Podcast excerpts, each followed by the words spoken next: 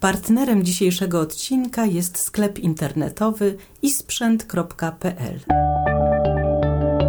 Praktycznie BHP, czyli ludzkim głosem o bezpieczeństwie i higienie pracy w Twojej firmie.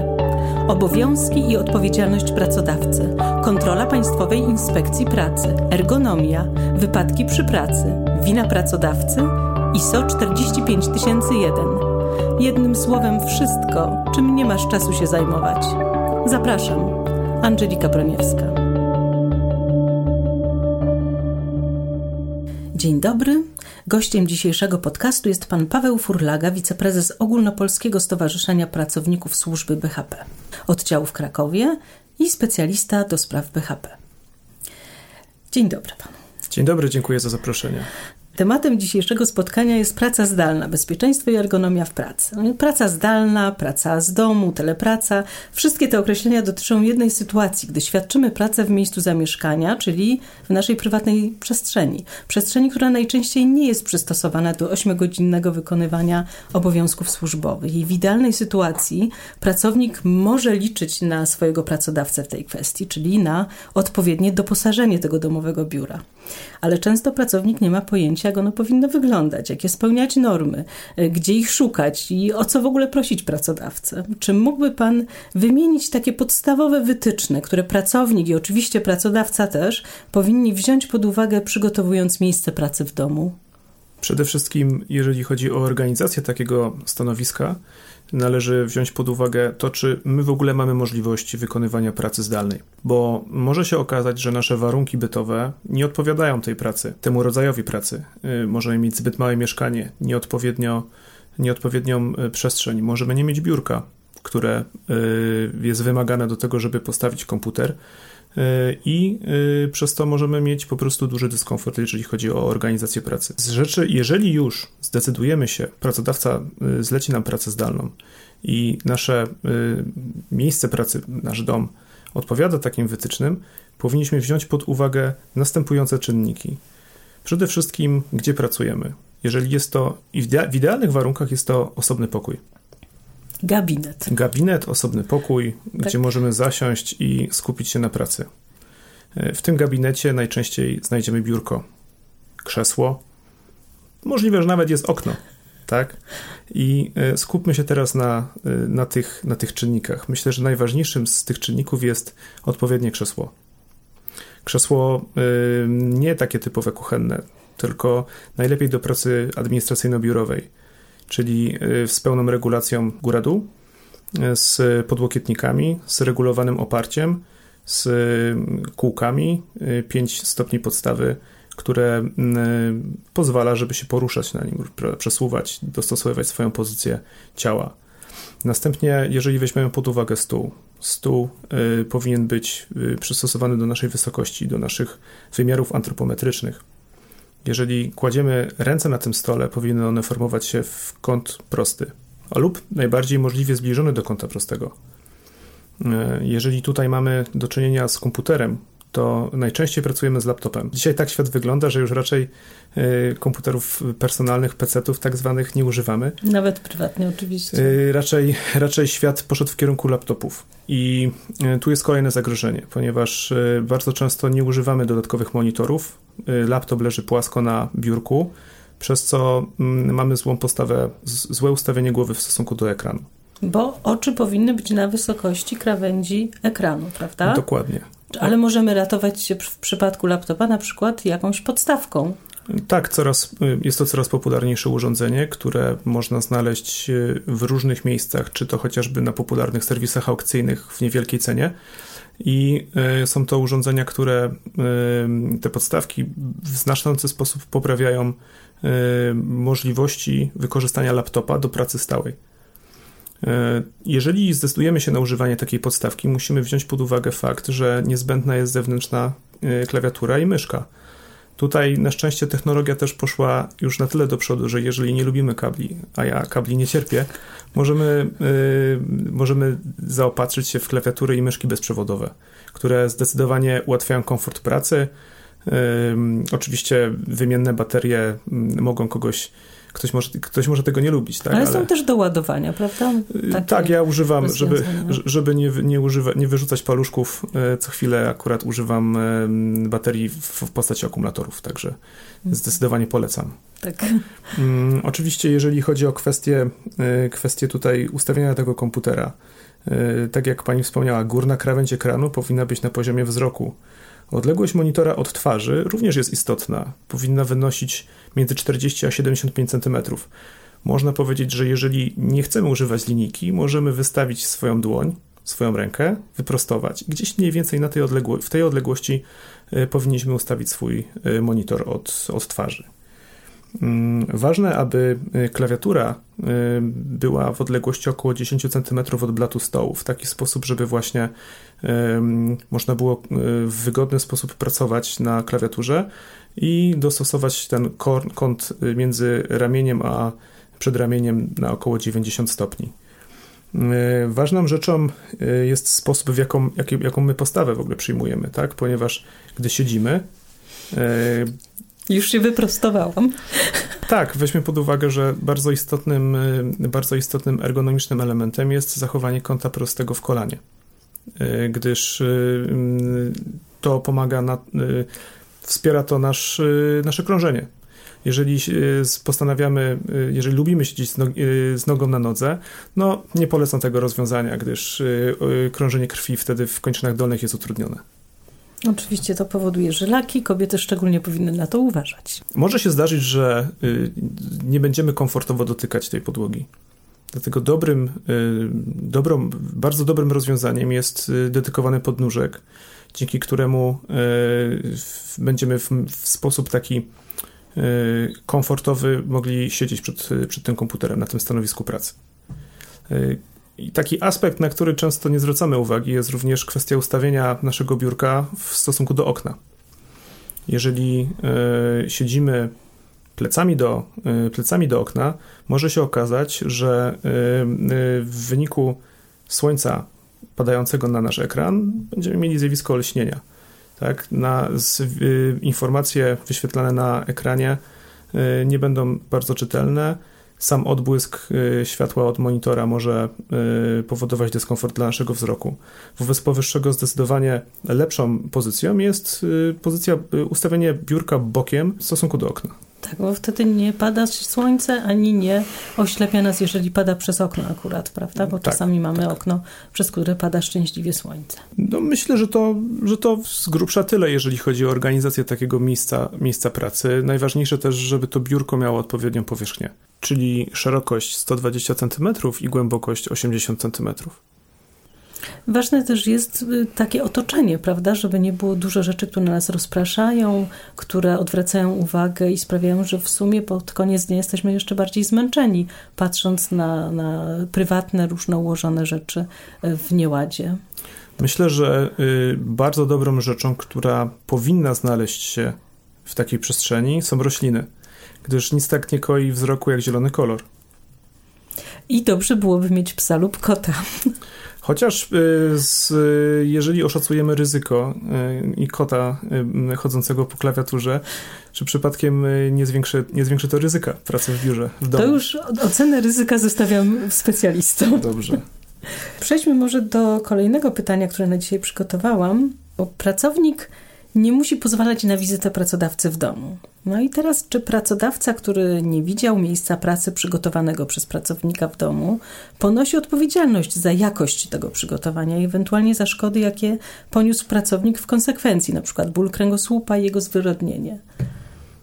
Jeżeli chodzi o y, organizowanie miejsca pracy, to pracodawca ma obowiązek dostosować stanowisko pracy do takich wymogów, żeby one były zgodne z bezpieczeństwem i higieną pracy, tak?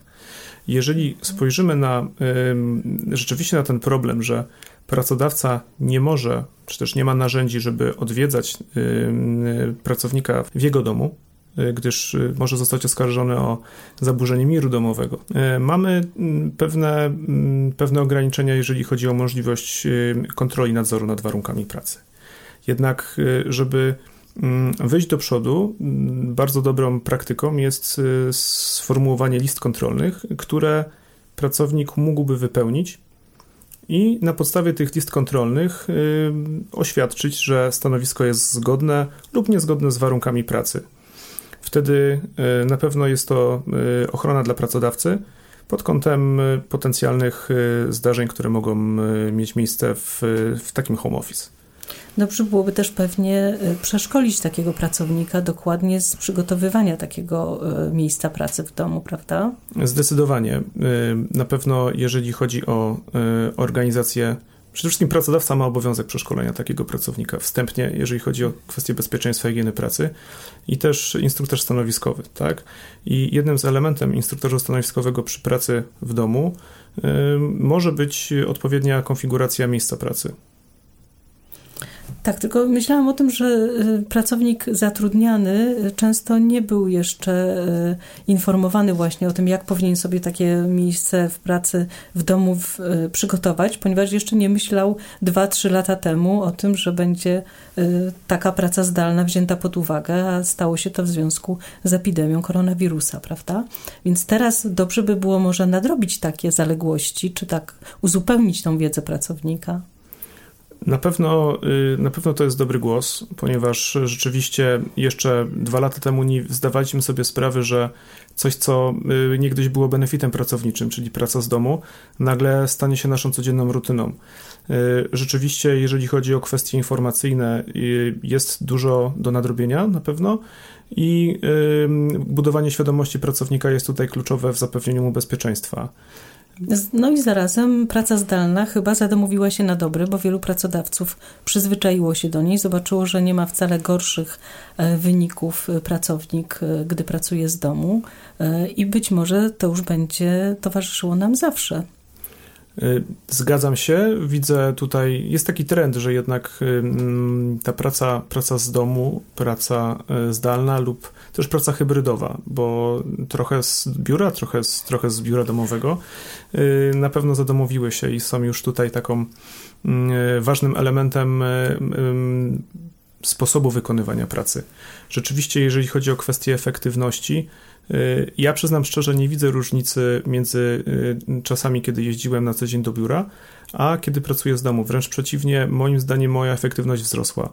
Ale to też zależy od tego, jaki mamy rodzaj pracy i jakie zadania wykonujemy w trakcie, w trakcie dnia pracy. Nie każda praca nadaje się do wykonywania jej w domu. Po prostu wyraźnie to powiedzmy, że czasami jest to po prostu jakiś, jakiś kompromis, a, ale są takie rodzaje pracy zdecydowanie, które myślę, którym służy praca zdalna w takiej hybrydowej formie. Jeżeli mamy komfortowe warunki wykonywania pracy z domu, to y, świetnie sprawdza się do pracy projektowej, gdzie trzeba y, usiąść, zastanowić się, skupić i y, na pewno y, należy docenić fakt, że jest to zdecydowanie inna sytuacja niż y, na open space w biurach, gdzie ktoś, prawda, głośniej, głośniej dotyka klawiatury, ktoś prowadzi rozmowę przez telefon zaraz obok nas, albo kolega co chwilę przychodzi i pyta, jak należy wykonać daną czynność. To jest świetne, bo to jest w jakiś sposób na pewno współpraca międzyludzka, budowanie relacji jest istotna w, w pracy. Jesteśmy, jesteśmy, prawda, zwierzętami stadnymi i tego nie, nie unikniemy. Niemniej jednak, jeżeli należy się skupić nad danym projektem, o wiele lepiej jest, gdy y, możemy naprawdę zamknąć się w czterech ścianach i, y, i po prostu w ciszy zastanowić nad, y, nad pracą, którą wykonujemy. Też tak sądzę i popieram. Jaka jest odpowiedzialność pracodawcy za wypadek w domu? Na przykład pracownik robi sobie w domu herbatę, parzy się. Zdarza się. Ale herbata czy pracownik? pracownik się parzy. E, czy to jest wypadek przy pracy i czy pracodawca odpowiada za taki wypadek? To tak naprawdę zależy od okoliczności powstania zdarzenia. Najważniejsze, aby pracodawca powołał zespół powypadkowy niezwłocznie po otrzymaniu informacji od pracownika, że zdarzył się wypadek. Zespół powypadkowy ma na celu zbadanie okoliczności powstania i przyczyn wypadku przy pracy i klasyfikację prawną, czy y, wypadek y, czy zdarzenie ma przesłanki wypadku przy pracy. Czyli rozumiem, ten zespół powypadkowy musi, musi stwierdzić, czy rzeczywiście wypadek przy pracy miał miejsce podczas wykonywania czynności pracownika związanych z pracą, czy na przykład był to wypadek w czasie wolnym, w czasie prywatnym e, w domu pracownika. Dokładnie, tutaj okoliczności tego zdarzenia mają naprawdę znaczenie. Praca w domu różni się od tej wykonywanej w zakładzie pracy i nie ma w domu potrzeby tak często wstawania z biurka, żeby wziąć dokumenty od koleżanki z pokoju na drugim piętrze. Wszystko odbywa się online na ogół. Jak pracownik powinien zorganizować sobie tą pracę, żeby dbać o ergonomię i o niej myśleć? Pamiętajmy, że na każdą godzinę pracy z monitorem ekranowym przysługuje nam 5 minut odpoczynku od komputera. To nie oznacza, że w trakcie tej przerwy od monitora ekranowego robimy przerwę od pracy.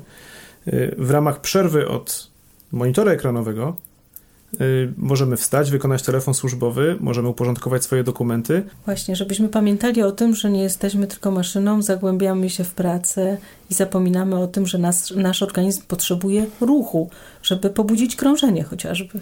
Pracując z domu, y, bardzo często my jesteśmy swoimi szefami. I to, w jaki sposób my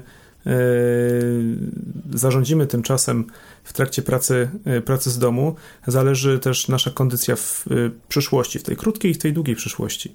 Dokładnie, czyli jest to rzecz, o której należy absolutnie pamiętać i być dla samego siebie dobrym szefem w tym względzie. No, zdecydowanie. To w takim razie jeszcze zadam takie pytanie, czy pracodawca musi przygotować jakąś specjalną dokumentację, na przykład musi zrobić ocenę ryzyka przy oddelegowaniu pracownika do pracy zdalnej. Pan już o tym mówił właściwie, że, że tak. oczywiście pracodawca ma obowiązek y, oceniać i dokumentować ryzyko zawodowe występujące na stanowisku pracy. Jeżeli w tym momencie y, y, pracownik administracyjno-biurowy został oddelegowany do, do pracy z, z domu, to y, na dobrą sprawę wypada się przyjrzeć temu ryzyku, które powstaje. Przecież y, są różne zagrożenia w domu. To nie jest tylko, y, to nie jest tylko nóż w trakcie przygotowywania śniadania, ale to wspomniała Pani o kocie. To może być kot, to może być pies to mogą być bawiące się dzieci w domu. Tak? I prąd. To może być, oczywiście, zagrożenie porażeniem, ryzyko porażenia elektrycznego jest, jest dosyć duże. To może być zagrożenie pożarowe. E, to może być takie prozaiczne, a jednak e, e, powodujące bardzo dużą ilość wypadków przy pracy, jak poślizgnięcia, potknięcia i upadki. Tak, to kwestia. Dlatego zaczęliśmy od tego, że warto przyjrzeć, przyjrzeć się temu, czy my w ogóle mamy warunki do tego, żeby pracować z domu.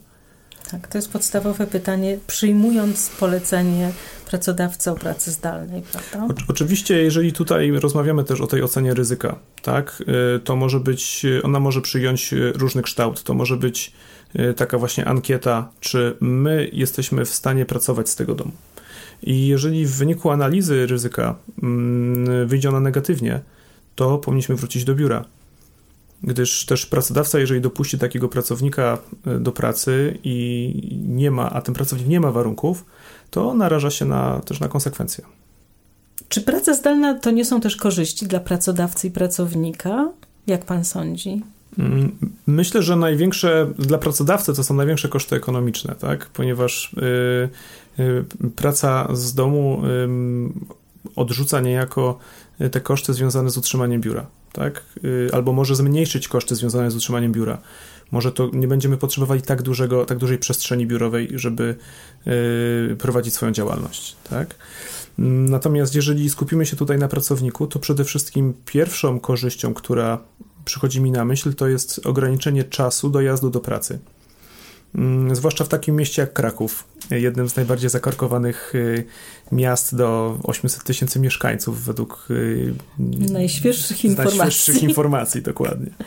Myślę, że w związku z tym, że nie musimy wstać w korkach, to nie musimy też wstawać tak wcześnie rano, czyli dłuższy, lepszy jakościowo sen, który wpływa na pewno na naszą produktywność w pracy i poza nią.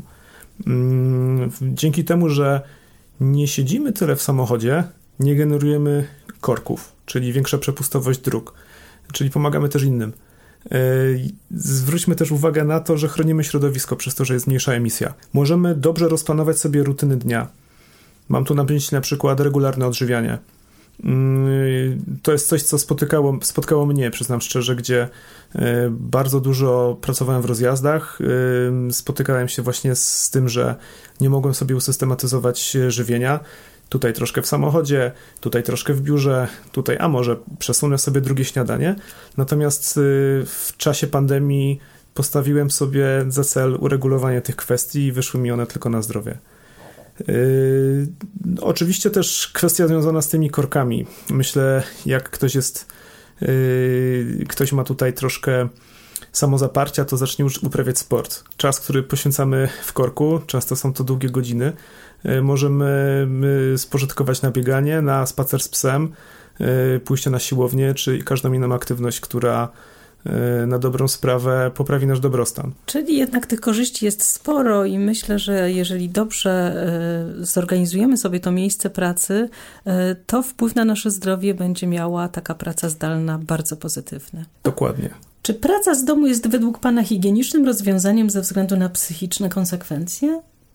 Na pewno praca z domu wymaga od nas bardzo dużej asertywności i umiejętnego planowania obowiązków w trakcie dnia ponieważ y, możemy dojść do takich sytuacji, kiedy y, dojdzie do nas stres informacyjny. Duży natłok informacji, y, dużo bodźców spowoduje, że ten komfort naszej pracy zdecydowanie, psychiczny komfort naszej pracy zdecydowanie się obniży.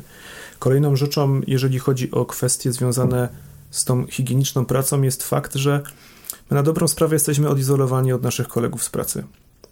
Przedtem e, w zespole 20-osobowym lub mniejszym, większym współpracowaliśmy, a nagle w sumie nie widzimy nikogo.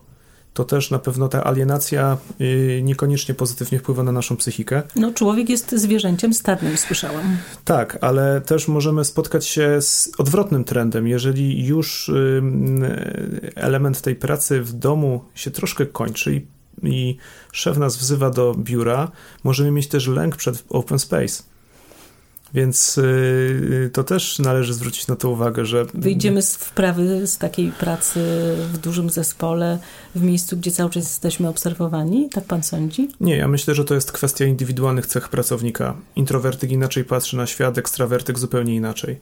Introwertyk y, może cieszyć się z tego, że pracuje sam y, we własnym domu i ten, ta forma pracy może go realizować. Ekstrawertyk może czuć się źle, ponieważ potrzebuje, e, potrzebuje energii innych ludzi, żeby funkcjonować. Rozumiem. Czyli odpowiedź też nie jest łatwa, e, bo zależy to właśnie od tego, jakie ma cechy osobnicze e, każdy z nas. Tak, natomiast nie możemy być obojętni wobec, wobec zagrożeń pracy w home office. I na przykład dobrą praktyką jest organizowanie wspólnych spotkań z członkami zespołów raz w tygodniu 30 minut y, zapytać, co u ciebie, na pewno y, często poprawi dzień i mm, pomimo, że nie widzimy się fizycznie, y, nie możemy się dotknąć, prawda, na, razem napić się kawy, to możemy porozmawiać o tym tak naprawdę, co u nas. I popatrzeć sobie w oczy. Czyli proszę Państwa, jeżeli pracujecie zdalnie z domu, przygotujcie swoje stanowisko pracy, umówcie się z kolegami na kawę przy Zoomie, czy przez Zooma e, i Dbajcie o siebie. Dziękuję serdecznie w imieniu wszystkich słuchaczy za wizytę w studio. Pan Paweł Furlaga był naszym gościem, a Państwu życzę bezpiecznego powrotu z pracy do domu. Do Dziękuję usłyszenia. bardzo. Do usłyszenia. Ty też możesz zostać partnerem podcastu. Może jest temat, który Cię interesuje? Może chcesz, żeby Twój specjalista od BHP opowiedział o ważnych problemach i podzielił się swoją wiedzą z innymi pracodawcami? Zapraszam po więcej informacji na stronę www.ipomocni.pl albo po prostu zostań donatorem fundacji ipomocni.pl i pomóż nam dalej działać. Pozdrawiam i do usłyszenia. Podcasty stanowią część kampanii Bezpieczeństwo czy Szaleństwo. Partnerem dzisiejszego odcinka jest sklep internetowy isprzęt.pl.